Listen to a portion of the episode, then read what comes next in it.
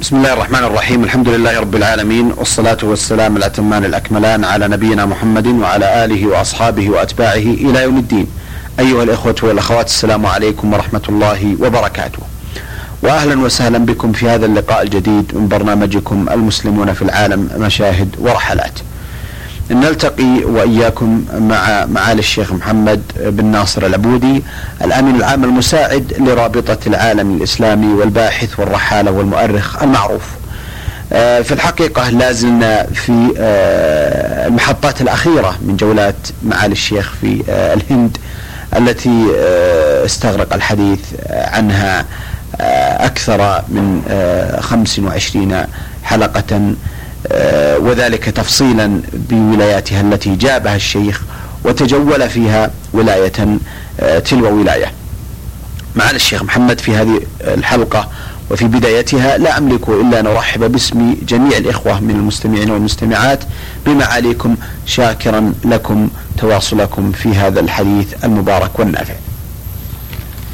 وشكر الله لكم أيضا ثناءكم وشكر الله لكم تعاونكم واستمرار آه هذه الحلقات وشكر الله أيضا للإذاعة السعودية عنايتها وإفساح المجال لهذه الحلقات وشكر الله للأخوة المستمعين الذين تبين أنهم يهتمون بأخبار إخوانهم المسلمين وحتى بالأخبار العالمية والمعلومات عن بلاد الله الواسعة. آه، سوف نتحدث كما آه ذكرتم عن آه ولاية هريانا وعلى الأدق سوف نكمل إن شاء الله ما بدأناه من الحديث عن ولاية هريانا التي تقع إلى الغرب من دلهي أي من العاصمة دلهي. وقد وصلنا إلى بعض وقفنا في بعض القرى في هريانا ووقفنا أيضا في بعض المدن وذكرنا ذلك وأول آه، قرية وصلناها بعد حديثنا السابق. وصلنا إلى قرية تسمى هاتين. معظم أهلها من المسلمين فيها مسجدان ظاهران أحدهما له منارتان شامختان وهنالك مسجدان صغيران فيها. من الطرائف أنني رأيت بنيه عندما وقفنا في ناحية من القرية مع أنها كما قلت يعني كبيرة فيها أربعة مساجد اثنان كبيران واثنان صغيران. وجدت بنيه رأيت بنيه يبين عليها أنها من بنات المسلمين لأمور الأمر الأول أن لباسها لباس ساتر والثاني أن عليها على وجهها اشراقا لا يوجد في وجوه بعض الهندوكيات وعمرها في نحو العاشرة يعني عمرها عشر سنين. فسألتها لأعرف من باب الفضول كما كنت أفعل في هذا وغيره لأعرف الأسماء هل هي إسلامية أم لا. فقلت لها أنت مسلمة فاستنكرت وقالت نعم. والأخوة الذين معه قالوا نعم إنها مسلمة. وقلت لها ما اسمك؟ قالت اسمي عنيزة. فكررت هذا قلت لها نعم قالت اسمي عنيزة. فقال الإخوة المرافقون لي وهم آه ثلاثة آه أولهم آه الشيخ عبد الوهاب الخلجي الذي هو الأمين العام لجمعية أهل الحديث المركزية ومعي اثنان من العلماء من أهل منطقة ميوات قالوا نعم إن اسمها عنيزة وهذا هو اسمها. فقلت لها أنت إذا عنيزة الهند. بطبيعة الحال لم تفهم عنيزة الهند ولكنني قلت لإخواننا ترجموا لها امرأ القيس أكبر الشعراء أول الشعراء وأولهم في اللغة العربية حتى أن الرسول صلى الله عليه وسلم قال امرؤ القيس حامل لواء الشعراء إلى النار يوم القيامة. بطبيعة الحال المراد بذلك الشعراء الكفار. فأنه كانت له محبوبة اسمها عنيزة. وقد مضى عليها آه، على أقل تقدير 1700 سنة أو 1600 سنة.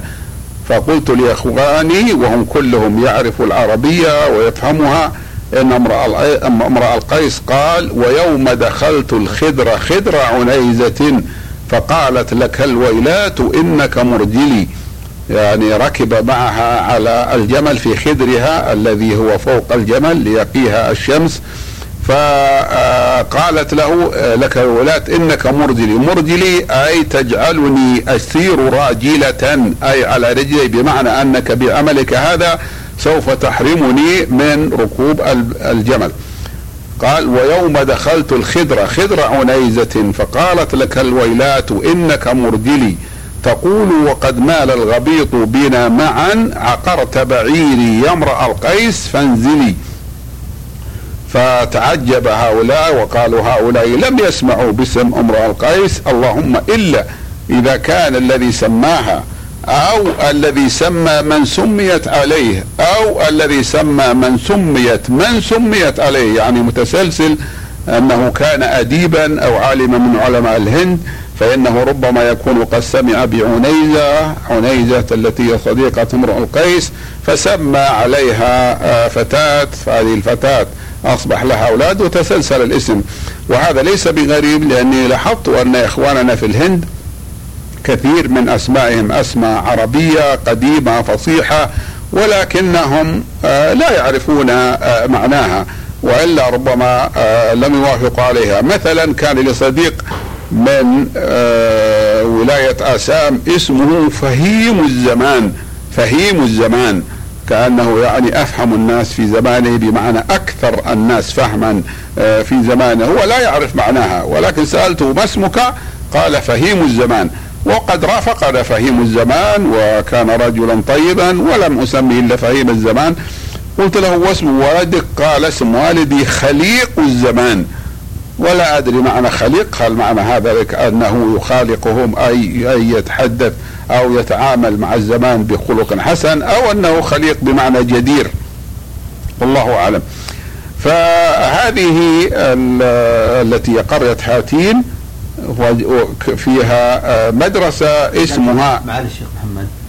آه، ألا يمكن مثل هذه الأسماء أن تكون عن طريق آه، مثلا قدوم بعض التجار من من من الجزيرة العربية سواء مثلا من مدن في نجد كعنيزة التي معروفة يعني أو غيرها من الأسماء قد يكون لهذا ارتباط.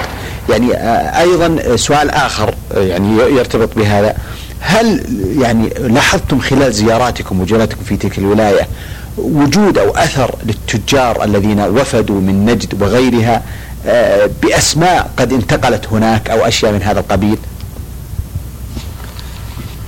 آه كما نعلم إن الهند بلاد واسعة شاسعة وأنحاؤها كثيرة والتجار لا يذهبون إلى جميع أنحاء الهند وإنما يكون في أماكن معينة مثل بومبي وحيدرآباد. ومثل كيرالا في جنوب الهند لكن هذه المناطق لم يأتي إليها تجار. ليس معنى ذلك أن أقول لم يأتي أبدا ولكن لم نرى أو لم يذكر لأحد أنها أنه جاء تجار. ولكن الذي حملني على أن قلت ما قلت هو أنني سألت كثير من الإخوة المسلمين. هناك من طلبة العلم ومن الذين يتكلمون العربية ويفهمون هذه الأمور وقلت لهم من أين أتتكم هذه الأسماء العربية الرنانة التي تبين أن المسمين بها والمسمين بها أنهم لا يعرفون معناها فقالوا والسبب أن الناس اعتادوا أن الرجل إذا ولد له مولود سواء كان ذكرا أو أنثى فإنه يذهب به إلى عالم من العلماء لكي آه، يدعو له ويطلب منه ويسميه هذا العالم فيسميه. فقالوا إن هذه أكثر العلماء هم الذين يسمونها ولذلك أنا أقول ولذلك نجد أن أسماءها فصيحة وعريقة مما لا يمكن للعامة أن يعرفوه. نعم. آه معالي الشيخ محمد بعد آه اثناء تجوالكم آه كيف كانت المشاهدات والانطباعات التي خرجتم بها في تلك الجولة وخصوصا فيما يتعلق بأوضاع المسلمين هناك آه، بالنسبة لميوات نحن بدأنا آه، بها بقرية هاتين التي قلت أن فيها أربعة مساجد. ووجدنا فيها مدرسة اسمها أشرفية أنوار العلوم. تصور هذا الاسم المشرق أشرفية أنوار العلوم. ومديرها اسمه دين محمد. وهذه من الأسماء الغريبة أي دين رسول الله بمعنى كما نقول إنه إسلام. فهذا أمر عجب من أخواننا المسلمين. قابلنا دخلنا المدرسة ووجدنا أن آه، أنهم يعانون من الضيق في المكان وأن لديهم أرض بجانب هذا المكان يستطيعون أن يوسعوا به المدرسة يستطيعوا أن يوسعوا منها المدرسة بمعنى أن يبنوا فيها بناء كافيا ولكنهم لم آه، آه، ولكنهم لا يجدون النقود الكافية.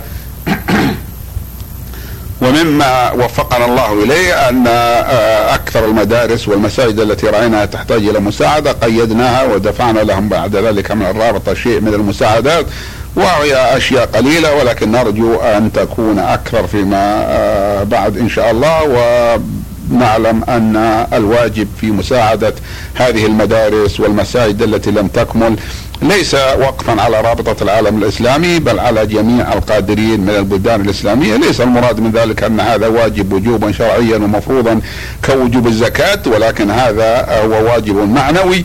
ونحن ولله الحمد بلادنا قد وسع الله على أهلها من الثراء ومن الخير.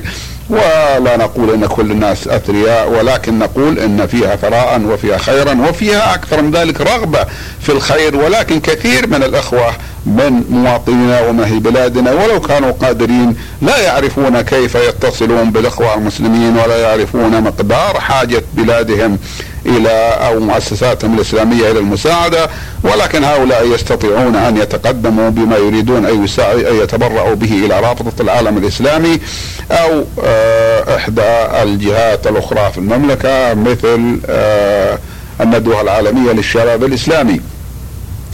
واصلنا السير في آه، منطقة ميوات فوصلنا قرية بل هي بلدة اسمها ربراكا وهذه مشتركة بين الهنادك والمسلمين ولكن المسلمين فيها آه، لهم آه، محترمون ولهم آه، مقام طيب بمعنى أنه لا أحد يضايقهم. وفي المنطقة قرية تسمى فيروز فورغك وفيروز هذا اسم اسلامي اعتاد المسلمون أن يسموا به. وهي هذه القرية تشتهر بشيء مهم وهي أنها بلد الشيخ محمد إلياس مؤسس جمعية التبليغ أو هيئة التبليغ الإسلامي جماعة التبليغ الإسلامي. فهذه البلدة يفتخر أهلها بأن مؤسس جماعة التبليغ الإسلامي منهم واسمه الشيخ إلياس وكذلك مررنا ببلدة اسمها قورا ولي. ولا أدري معنى آه، ولي ولكن أهلها كلهم مسلمون. قلت لأحد أهلها وقفنا في شارعها العام وهو شارع مهمل غير مزفلت غير مزفت ولا آه، أيضا معتنى به واجتمع علينا بعض أهلها وبعض الأطفال فقلت لأحد أهلها كم ولدك يا فلان؟ قال أربع أربعة أريد كم ولدك كم لك من ابن وابنة. فقال أربعة قلت كم زوجة؟ تزوجتها فاستنكر ذلك وقال نحن لا نتحمل إلا واحدة كيف تسأل عن إمكاننا أن نتزوج ثانية؟ قلت له أنا أريد بذلك أن يكثر عدد المسلمين آه، هنا في المنطقة وحتى في الهند.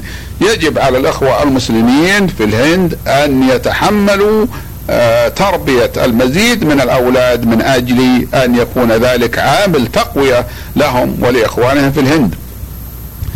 في آه، القرية هذه ثلاثة مساجد رأينا بعضها واجتمع علينا الأطفال ونحن نسير لأن معنا سيارة ونحن جماعة وأنا ألبس الملابس العربية مما جذب انتباه بعض أهلها وبخاصة الأطفال. فاجتمع لدينا طائفة من الأطفال فسألتهم عن أسمائهم حتى أعرف إذا كانت أسماء إسلامية. فواحد قال اسمي محمد سليم والثاني قال اسمي محمد رسيم. والثالث اسمه عمر دين والرابع اسمه رايب هان ولا أعرف هذا رايب هان لا أعرف معناه وآخر اسمه محمد أسلم. ووقفنا قليلا ولم نتلبث في هذه القرية لأننا سائرون إلى أماكن أهم من ذلك. ولاحظت أن في هذه القرية أن الجاموس كثير ولم أرى بقرا فيها. فسألت بعد ذلك عندما وصلنا إلى ميوات كيف يكثر الجاموس عندكم ولا يكثر البقر؟ قالوا نحن في منطقتنا ميوات يعني في عمق المنطقة لا يوجد بقر أصلا كل الذي عندنا جاموس قلت لهم لماذا؟ قالوا نحن نستفيد من الجاموس فوائد كثيرة من ننتفع بلبنها وزبدها وننتفع بأخفائها للطبخ أكثر مما ننتفع بأخفاء البقر. أي إنهم يطبخون أي يجففون اخفاء الجاموس ويطبخون بها كما آه، تقدم. بعد ذلك ذهبنا لمكان مهم وهو قرية فيها الجامعة السلفية في ميوات والجامعة واسعة المساحة جدا بحيث أن الإنسان لا يستطيع أن يتجول فيها إلا بسيارة ولها بوابة خارجية ولاحظ فيها كثرة الشجر الصحراوي الذي وصل إلى بلادنا وانتشر فيها منذ نحو عشرين سنة حتى الآن واسمه برشوبس وقد أصبح الناس يحاربونهم لأنهم يقولون إنه يسبب الحساسية لبعض الناس. ولكنها كانه ولكنني رأيت هناك كثيرا سواء في داخل الجامعة السلفية في ميوات أو في الخارج في البر وفي القرى. فسألتهم ماذا تنتفعون منه؟ وهل لأنني رايته أخضر وهو عندهم ينبت طفيليا مثل ما ينبت عندنا في بعض الأماكن. فقالوا الغنم والمواشي لا تأكل ورقه ولا تنتفع منه ولكن الغنم خاصة تأكل ورقه وتحبه وهو نافع لا تأكل حبه. يقولون إن المواشي لا تأكل ورقه أصلا. ولكن الغنم خاصة تأكل حبه الذي هو أجراس فيها حب ويسقط منه. قالوا وتستفيد منه الأغنام من أكله وهو نافع لها وهو كثير حبه لأنه هو كثير وهو ناعم بمعنى أنه آه، آه، أخضر وكثير الأوراق. قالوا ونستفيد منه فائدة أخرى وهو أننا نقطعه ونستعمله في الطبخ. فإذا يبس طبخنا عليه وهو مفيد جدا قالوا ولذلك نحن نستفيد منه ولا نكره وجوده أما كونه يولد الحساسية فهذا أمر لا يعرفونه ولا أدري هل درسوه ووجدوا أنه لا يولد الحساسية أم إنهم لا يعرفون هذا ولم يدرسوه وربما لم يبالوا به كما أو لم يفطنوا له كما يفعل الريفيون في كثير من آه، المسائل. آه، وجدنا المدرسة هذه واسعة والطلاب يدرسون ويسكنون ويعيشون فيها كالعادة في أكثر آه، جامعات الهند. هم يسمون الجامعة يريدون بها التي تجمع الطلاب ولو لم تكن على المستوى الأكاديمي الجامعي. فمن الممكن أن يسموا الجامعة جامعة أو يسموا المدرسة جامعة إذا كان فيها قسم ابتدائي وقسم ثانوي. فيقول أنها تجمع الابتدائي والثانوي ولكن الشيء العظيم الكبير المشرق الذي لا يوجد مثله في السعة والكثرة في غير الهند هو أن الطلاب في العادة أو أكثرهم وبخاصة الغرباء منهم يسكنون في المدرسة أي في الجامعة هذه يأكلون ويشربون ويعيشون وربما صرفت لهم المدرسة الملابس أيضا. كل ذلك على نفقة المحسنين. الذين يتبرعون لهذه المدارس وهي تعد بالآلاف المؤلفة.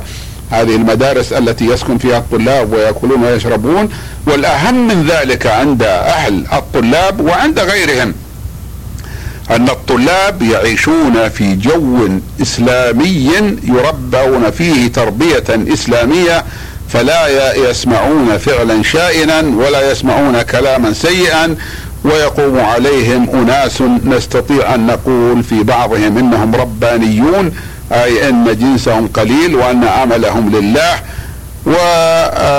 وهذا موجود في أكثر الهند ولكنني آه، ذكرته لمناسبة زيارتنا للجامعة السلفية آه، في ميوات. تجولنا في القرى التي آه، زرناها وبعضها بطبيعة الحال لم أذكر لأنه يصعب علي أن أذكر كل القرى ولكنني وجدت الإهمال الفاضح في المرافق فالطرق في خامة لا يوجد إلا طريق عام مسفت زف زفلتة آه، ضعيفة يعني الزفت فيه ضعيف ولكن إذا تركه الإنسان إلى القرى التي عن يمين الطريق ويساره لم يجد أي أثر للزفت وحتى القرى داخلها لا يوجد فيها أي أثر للعناية وربما لا يكون فيها بلديات ولأنني رأيت بعض القرى يكون فيها حجارة متروكة في في طريق الناس ولم يرفعها أحد وتكون القمائم أيضا متروكة إلا أن بعض أهل البلد يتبرعون. ويبعدون بعض هذه القمائم عن بلادهم كما هو موجود في كثير من البلاد وحتى في بلادنا قبل إنشاء البلديات. لم يكن الناس يعرفون البلديات لكن بلادنا في ذلك الوقت ليست كبلادنا لأنها بلاد جافه وكان الناس عندنا لم تشملهم المدنية الحديثة فكانت المخلفات من حياتهم. قليله مثلا نحن عندنا الآن البيت كم يكون كم يترك من ما يسمى بالكرتون أي علب الورق المقوى وكم يكون عنده من الزجاجات الفارقة ومن آه، العلب التي يشرب فيها البيبسي كولا والكوكا كولا وإلى آخره. هذه أكوام لم تكن معروفة من قبل وهذه قمايم لم تكن موجودة من قبل. حتى بالنسبة إلى فضلات الحيوان بالنسبة إلى فضلات الأبقار وإلى وكذلك أيضا إلى بعر الإبل أيضا كان قومنا قبل أربعين سنة أو خمسين سنة يجمعونه ويوقدون به كما يفعل أهل الهند في جمع براز البقر أو أخفاء البقر ويوقدون به. وهذا مما يساعد بطريقة غير مباشرة على آه، نظافة الأمكنة وعدم وجود المخلفات المؤذية فيها.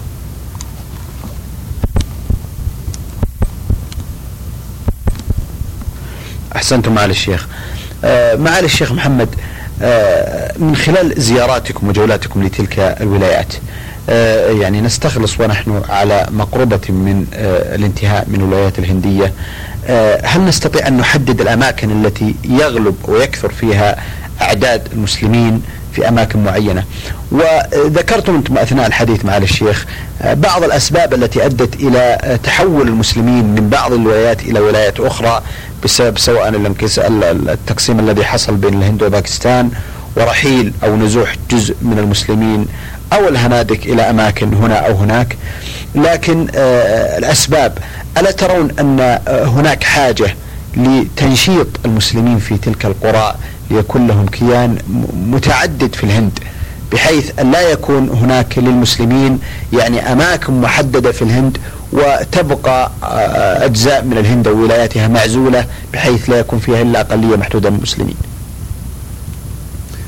الواقع آه الواقع أن المسلمين آه موجودون في كل ولاية في الهند ولكن فيها ولايات آه يكثر عددهم فيها وفيها ولايات يقل عددهم فيها. ولكن لا توجد الآن ولاية أغلبية سكانها من المسلمين إلا ولاية جمو وكشمير. هذه الآن أغلب سكانها من من المسلمين وهم الآن يجاهدون في الحصول على الاستقلال نسأل الاستقلال عن الهند سواء انضموا إلى باكستان أم استقلوا. ونسأل الله سبحانه وتعالى أن ينجح مساعيهم وأن يقر عيونهم وعيوننا بالاستقلال بحيث توجد ينضم جزء عزيز هو باكستان هو آه، كشمير التي تحتلها الهند إلى الوطن الإسلامي الكبير. وقد سبق لي أن تكلمت على كشمير بما لا يحسن تحسن إعادته. ولكن وجود المسلمين في تلك المناطق في الهند يعني في المناطق العديدة ليس وليد عصر وليس وليد تخطيط وليس وليد آه، إرادة. لأن الإسلام كما نعلم هو دين الله. المسلمون قالوا لنا وأقروا عندنا بأن أغلبهم كانوا من الهنادك أي من أهل البلاد فاهتدوا إلى الإسلام وبقوا في أماكنهم القديمة. وهذا أمر مهم جدا لأن الحكومة الهندية المتعصبة الحالية وكذلك الجماعات الهندوسية المتعصبة يقولون المسلمون جاءوا من الشمال إلى الهند. فهو حكموا فيها وحكموها. فهم يعتبرون غرباء ويعتبرون محتلين ويجب أن يغادروا الهند. هذا غير صحيح أصلا. إذا أريد به حكام المسلمين فهذا صحيح. فحكام المسلمين الذين يراد بهم التيموريون الذين هم ألفوا ممالك وإمبراطوريات عظيمة جدا هؤلاء جاءوا من آه، أفغانستان. وأول من جاء منهم آه، الملك آه، آه، أول من جاء منهم هناك الملك بابر هو من ولاية فرغانة وادي فرغانة الواقع الآن في اوزبكستان وقد زرت قريته وتفقدتها لأن هذا مهم جدا ولم أذهب إلى فرغانة لأزور القرية ولكن عندما ذهبت إلى إلى فرغانة وتجولت فيها زرت قريته إلى هناك. فهو من آه، أوزبكستان ذهب إلى أفغانستان وحكم منطقة ثم منها ذهب إلى الهند. فإذا أريد بالحكام فهذا صحيح ولكن هذا كثير هم وغيرهم. يوجد حكام من ولايات أخرى. أما الشعب المسلم فهذا غير صحيح. ليسوا من الغرباء القادمين من الشمال إلى الهند ولكنهم من أهل الهند الذين أسلموا في بلادهم وبقوا. ونجد شاهدا الآن أنه عدد كبير الآن إن لم نقل كبير وهذا الكبر نسبي نظرا لعدد المسلمين في الهند أنهم يسلمون الآن وهم معروفون ويسلمون وهم هنادك وأكثر من يسلم من أهل الهند في الوقت الحاضر هم المتعلمون المثقفون من الأطباء ومن المحامين ومن الصحفيين. لماذا؟ لأن عامة الهنادك من العامة الذين لا ثقافة لديهم لا يعرفون الدين الهندوكي معرفة كاملة وإنما ياخذونه من باب التعصب ومن باب التقليد ومن باب الجمود على ما كان عليه الآباء. فالمسلمون لا يمكن أن توضع لهم خطة مثلا أن يكونوا في منطقة معينة أو أن يكون لهم تجمع معين وهذا ليس من المصلحة في شيء. هذا لو أمكن لكنه لا يمكن لأن المسلم الذي يعيش في قرية منعزلة مثل هذه القرية من قرى ولاية هريانه هذه أرض ورثها عن أبائه وعن أجداده وسكن فيها فكيف يؤتى إليه بأناس ليسوا من المنطقة أو كيف هو يؤخذ ويكون في منطقة أخرى؟ هذا صعب جدا والحكومة الهندية أحيانا تحتاج إلى أن تبعد بعض الناس عن طريق إما سد أو عن طريق قطار فيصعب عليها حتى إيجاد مساكن لهؤلاء الذين كانت هي سببا في حرمانهم أو في نقلهم عن أماكنهم وعن دورهم. لذلك المسلمون في الهند باقون كما كانوا عليه والمصلحة تقتضي أن يبقوا لأنهم يتعايشون مع الهنادك وهذا معناه أن يكون هنالك فرصة للدعوة وأن يكون هنالك فرصة أن يدخل الإسلام. كل زاوية من زوايا الهند كما هو حاصل الآن ولكن بعضها قليل وبعضها كثير وبعضها بلغ من يبلغ من القلة حدا آه، كبيرا بحيث يكون المسلمون واحد بالمئة فيه وبعضها لا يكون أكثر. وشكرا. آه، أحسنتم. معالي الشيخ أيها الإخوة والأخوات في ختام هذا اللقاء أتوجه بالشكر الجزيل بعد شكر الله سبحانه وتعالى إلى معالي الشيخ محمد بن ناصر العبودي الأمين العام المساعد لرابطة العالم الإسلامي والباحث والرحالة المعروف على حديثه آه، الماتع عن أحوال المسلمين ومشاهداته وانطباعاته. نلقاكم أيها الإخوة والأخوات على خير في مثل هذا اليوم من الأسبوع القادم. وهذه تحية من محدثكم محمد بن عبد الله مشوح. والسلام عليكم.